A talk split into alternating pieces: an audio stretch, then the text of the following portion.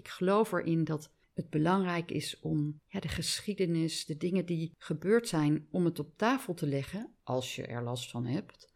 Om te kijken wat zijn hier de verschillende rode draden die door elkaar heen lopen en hoe kan ik daar op een andere manier naar kijken. Het heeft mij onwijs veel kracht gegeven om de werkelijkheid te erkennen zoals die is.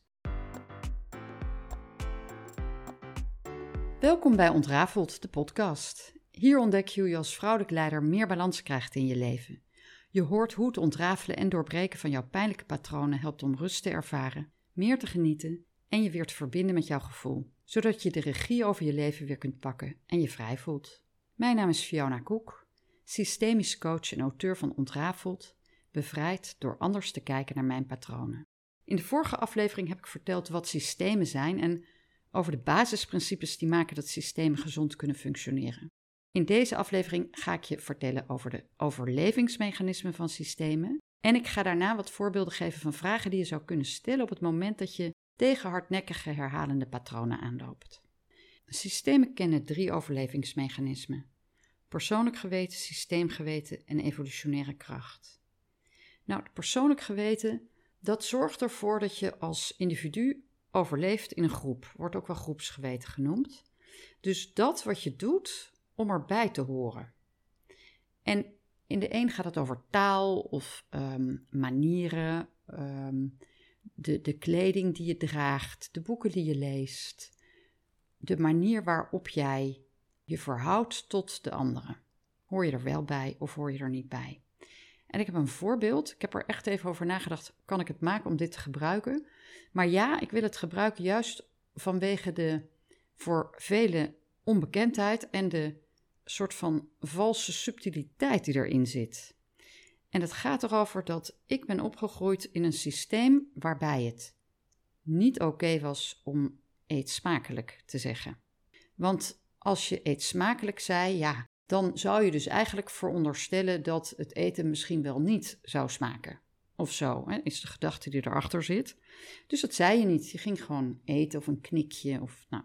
Zodra ik dus in een systeem ben, het zit bij mij zo ingebakken, waarin iemand eet smakelijk zegt, dan denk ik, oh ja, dit is een heel andere omgeving. En juist in systemen waar er eet smakelijk wordt gezegd, op het moment dat je dat niet zegt, ja, dan komt het echt onbeleefd over. Terwijl een andere groep heeft eerder een oordeel voor het feit dat je dat gebruikt. Dus zo zie je maar weer, wij oordelen niet alleen op kleur in Nederland of afkomst, maar ja, dit is ook afkomst, ook op dit soort kleine subtiliteiten in taalgebruik. Nou, dat taalgebruik, daar kan ik nog een heel boek over uh, schrijven. Maar um, ja, bij de een rust er een taboe op en bij het ander gedraag je je zo om daarbij te horen. Dat betekent dus ook dat wanneer je je beweegt tussen verschillende systemen, dat je je aanpast. Bij de een doe je dit en bij de ander doe je dat. En dat doe je eigenlijk ja, onbewust, maar het is wel op een bewuste laag. Een tweede overlevingsmechanisme is het systeemgeweten. Dat gaat over de generaties heen. Dat zorgt dat systemen als geheel compleet worden gehouden en blijven voortbestaan. Dat is een onbewuste werking. Dat is het gedrag in families wat we niet willen zien en dan komt het twee generaties later weer terug. Dus je ziet soms dat het gewelddadige karakter van opa wordt buitengesloten en het kleinkind heeft ook iets van die trekjes. Agressiviteit of het vertaalt zich soms net wat anders, maar dan is het een soort herinnering van opa die werd buitengesloten. Of de katholieke opa trouwde met de protestantse oma. Dat mocht natuurlijk eigenlijk helemaal niet. Dus dat is een, ehm, ja, dat hebben ze wel gedaan en dat werd allemaal uh, uh, ja, toegestaan. Of de, de verbanden met de familie werden verbroken. En dan zie je opeens een kleinkind die een innerlijke strijd voert. En die innerlijke strijd, ik wil er even niet direct een naam aan geven, maar dan plakken we er labels op vanuit gezondheidsperspectief ongezondheidsperspectief. Um, waarvan we zeggen, ja, hij heeft eh, echt heel veel uh, last van uh, zus of zo symptoom. En krijgt die pilletjes voor. Maar vanuit systemisch perspectief heeft het heel vaak te maken met een soort van strijd van generaties eerder. die bij in één kind weer samenkomen. Het systeemgeweten wil ook dat alles erbij blijft horen, dus die wil niet dat dingen buitengesloten worden. In een organisatie, een organisatie is vaak opgericht met een bepaalde visie. Als je dat anders wil doen, dan is het belangrijk dat je eerst eert wat jou is voorgegaan, voordat je een andere weg kunt inslaan. Zodat je heel bewust kunt zeggen: Dankjewel voor wat jullie ons hebben gebracht en nu gaan we het anders doen. Dat geldt ook wanneer je afscheid neemt van collega's in organisaties. Is het handig om daar even bij stil te staan en te benoemen wat die persoon heeft bijgedragen. Ook al zie je hem liever gaan dan komen. Maar mensen hebben altijd ook goede dingen bijgedragen. Op het moment dat je dat noemt, dat je dat erkent, ontstaat er ruimte. En vooral ruimte voor de opvolger om het anders te doen. En op het moment dat je dat vergeet, verzuimt, niet nodig vindt, want uh, blij dat hij eindelijk weg is, dan zie je vaak in organisaties dat er een onbewuste loyaliteit is en dat er nog mensen zijn in het bedrijf die trouw zijn aan de collega die is weggegaan en vervolgens hun hakken in het zand zetten als er een verandering gaat plaatsvinden, een soort onbewuste loyaliteit naar het oude. Of een groep die, uh, ik heb het gezien bij bedrijven waar overname op overname heeft plaatsgevonden. En dan zijn er nog mensen uit het eerste uur. En die worden dan verweten dat ze oud zijn. Het is niet alleen oud, het is een loyaliteit naar een stukje geschiedenis die verloren dreigt te gaan. En wat helpt is om dat te erkennen, om foto's op te hangen, fotoboek te maken, een, een ritueeltje te verzinnen waarbij het oude wordt herinnerd, zodat er ruimte ontstaat voor het nieuwe. Ik zal een stukje voorlezen uit mijn eh, boek over het derde mechanisme, evolutionaire kracht. Die zorgt voor het overleven van het grotere geheel. Koste wat het kost. Ook als dat betekent dat de boel eens flink moet worden opgeschud om een nieuwe balans te creëren. De evolutionaire kracht brengt de ongewisse toekomst op ons pad en gooit onze plannen overhoop.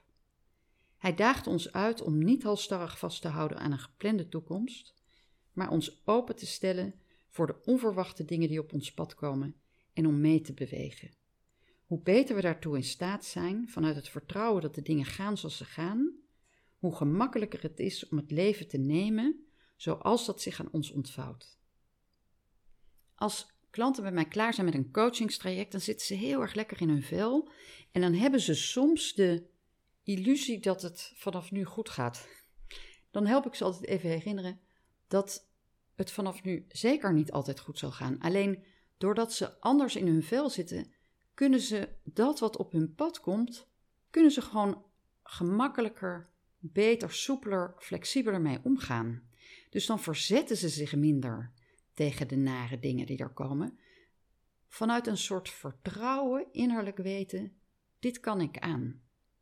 En dat geeft een hele andere bagage om te zeggen: het is niet of het eraan komt, het is wanneer de uitdaging daaraan komt. Nou, als je systemisch kijkt, dan laat je als het ware het geheel tot je komen. Je voelt wat een ruimte of wat dat geheel, dat systeem jou wil vertellen. Je stelt je open voor dat wat er niet gezegd wordt, maar als het ware in de lucht hangt en in en om jou ontvouwt. Toen ik mijn uh, opleiding deed bij het Bert Hellinger Instituut in Groningen, kreeg ik een prachtige oefening van Bibi Schreuder. En die was dat we in een uh, groepje zaten en één, iemand moest dan vertellen wat hem of haar bezig hield. En een paar mensen mochten dan alleen maar kijken met hun ogen wat ze zagen gebeuren bij die persoon. En anderen kregen de opdracht om hun ogen te sluiten en juist te horen wat ze hoorden. En weer anderen kregen de opdracht om te voelen wat ze voelden. Om waar te nemen wat gebeurt er in mijn lijf als ik die persoon hoor praten. Nou, de kunst zit er natuurlijk in dat je dat eigenlijk samen koppelt. Dat je wanneer iemand spreekt, het hoort, maar ook kijkt naar de mimiek. En ook naar wat neem jij waar in je lichaam. En dat onderbuikgevoel, dat is vaak een split-second gevoel, dat serieus te nemen. En te kijken, hé, hey, wat voel ik hierbij? En soms voel je dan opeens zo'n reactie die je wil geven, waarvan je denkt, hé, kan ik dit wel maken of klopt dit wel? Nou, ik daag je uit, je. Probeer het gewoon te benoemen en kijk maar hoe de ander reageert. Ik had je verteld dat ik wat voorbeelden zou geven van vragen die je zou kunnen stellen. Met dit alles in gedachten. Dus je hebt en die basisprincipes, hè, Bob, binding, ordening, balans. Samen met systemen willen hun bestemming bereiken, vooral organisatiesystemen. En natuurlijk die overlevingsmechanismen.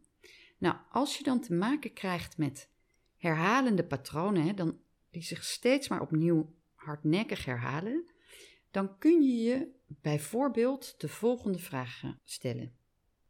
Waar wordt hier niet over gesproken? Welke roze olifant wordt er niet benoemd? Wie of wat wordt er buiten gesloten? Wat is te pijnlijk om te herinneren? Dat heeft allemaal te maken met de binding. als je kijkt naar ordening, wat is hier de ordening? Wat is de natuurlijke ordening? Hè? Wie neemt de plek van leider in? En wat is de hiërarchische ordening? Wie zou de plek van leider eigenlijk in moeten nemen? Wie staat er op een andere plek? En welke plek vervul ik in dit systeem? Klopt die wel bij mijn rol? Ik heb gehad dat ik als coach op een gegeven moment in een, een opstelling deed over een klant. Dat was toen ik nog in mijn opleiding zat in Groningen. En ik nam als uh, uh, begeleider plaats in de opstelling. Dus mensen uit dat systeem waar ik mee werkte, mijn klant, waren zo her en der opgesteld in de ruimte. En toen zei de begeleider: Nou, uh, neem jouw plek in in dit systeem. En ik ging gewoon bang in het midden staan. Nou, je voelt misschien al wel, dat was niet mijn plek als coach. Mijn plek als coach is aan de zijlijn, waarnemend, soms een rake vraag stellen, maar altijd buiten het systeem. Ik mag wel even mijn grote teen in het water stoppen om te voelen wat de temperatuur is, maar vervolgens heb ik er wel weer uit te gaan. Vragen die je zou kunnen stellen op het gebied van balans. Hoe zit het met de balans tussen nemen en geven? Waar wordt er te veel gevraagd? Of is er te veel genomen?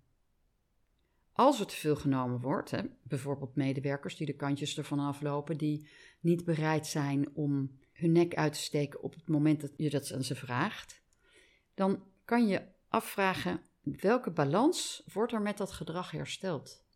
Heb ik in het verleden te veel gevraagd? Siets Bakker, mijn zeer gewaardeerde uh, collega, vriendin, heeft een prachtig boek geschreven, Rake Vragen.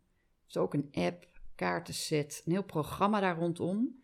Zij heeft allerlei van die rake vragen op een rijtje gezet, die je heel goed kunnen helpen om te stellen wanneer je tegen dit soort situaties aanloopt. Want systemisch kijken helpt om het grotere geheel te bekijken, om uit te zoomen. Dus je, je wijst niet alleen met je vinger naar die situatie, maar je kijkt naar het grotere geheel. Je kijkt voorbij um, ja, daderschap of uh, die heeft het gedaan. Je kijkt naar wat is hier aan de hand en welke gelegenheid ontstaat hier waar iemand naartoe wordt getrokken. In mijn boek Ontrafeld heb ik geschreven over het grensoverschrijdende gedrag van mijn vader. Daar bleef ik, daar ben ik, um, bijna 50 jaar in blijven hangen. Maar het was veel groter dan dat gedrag. Pas toen ik in therapie ging en al die patronen ging ontrafelen, toen kon ik kijken wat daar achter of onder zit. Wat maakt nu dat dat gebeurde?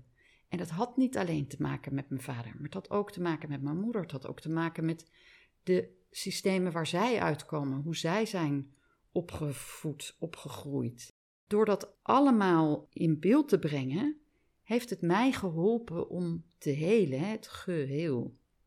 In ons familiewapen staat zo mooi Tempus omnes revelit. De tijd laat alles blijken. Ik heb het vrij vertaald naar breng de hele tijd in beeld. Ik geloof erin dat het belangrijk is om ja, de geschiedenis, de dingen die gebeurd zijn, om het op tafel te leggen, als je er last van hebt. Om te kijken, wat zijn hier de verschillende rode draden die door elkaar heen lopen? En hoe kan ik daar op een andere manier naar kijken? Het heeft mij onwijs veel kracht gegeven om de werkelijkheid te erkennen zoals die is. Het heeft me geholpen om mijn plek in te nemen met alles wat daarbij hoort. Waardoor ik nu kan voelen met heel mijn hart mijn ouders die achter me staan, hun ouders achter hen, zeven generaties terug die achter mij staan met alles wat er gebeurd is en niet gebeurd is, de pijn die daar geleden is, het plezier wat daar geweest is, cultuur, oorlog, weet je, er is zoveel gepasseerd. Ik heb ook nog eens een hele internationale achtergrond, dus dat stroomt allemaal door al die generaties heen naar mij. Nu kan ik voelen hoeveel kracht ik daarvan kan ontlenen.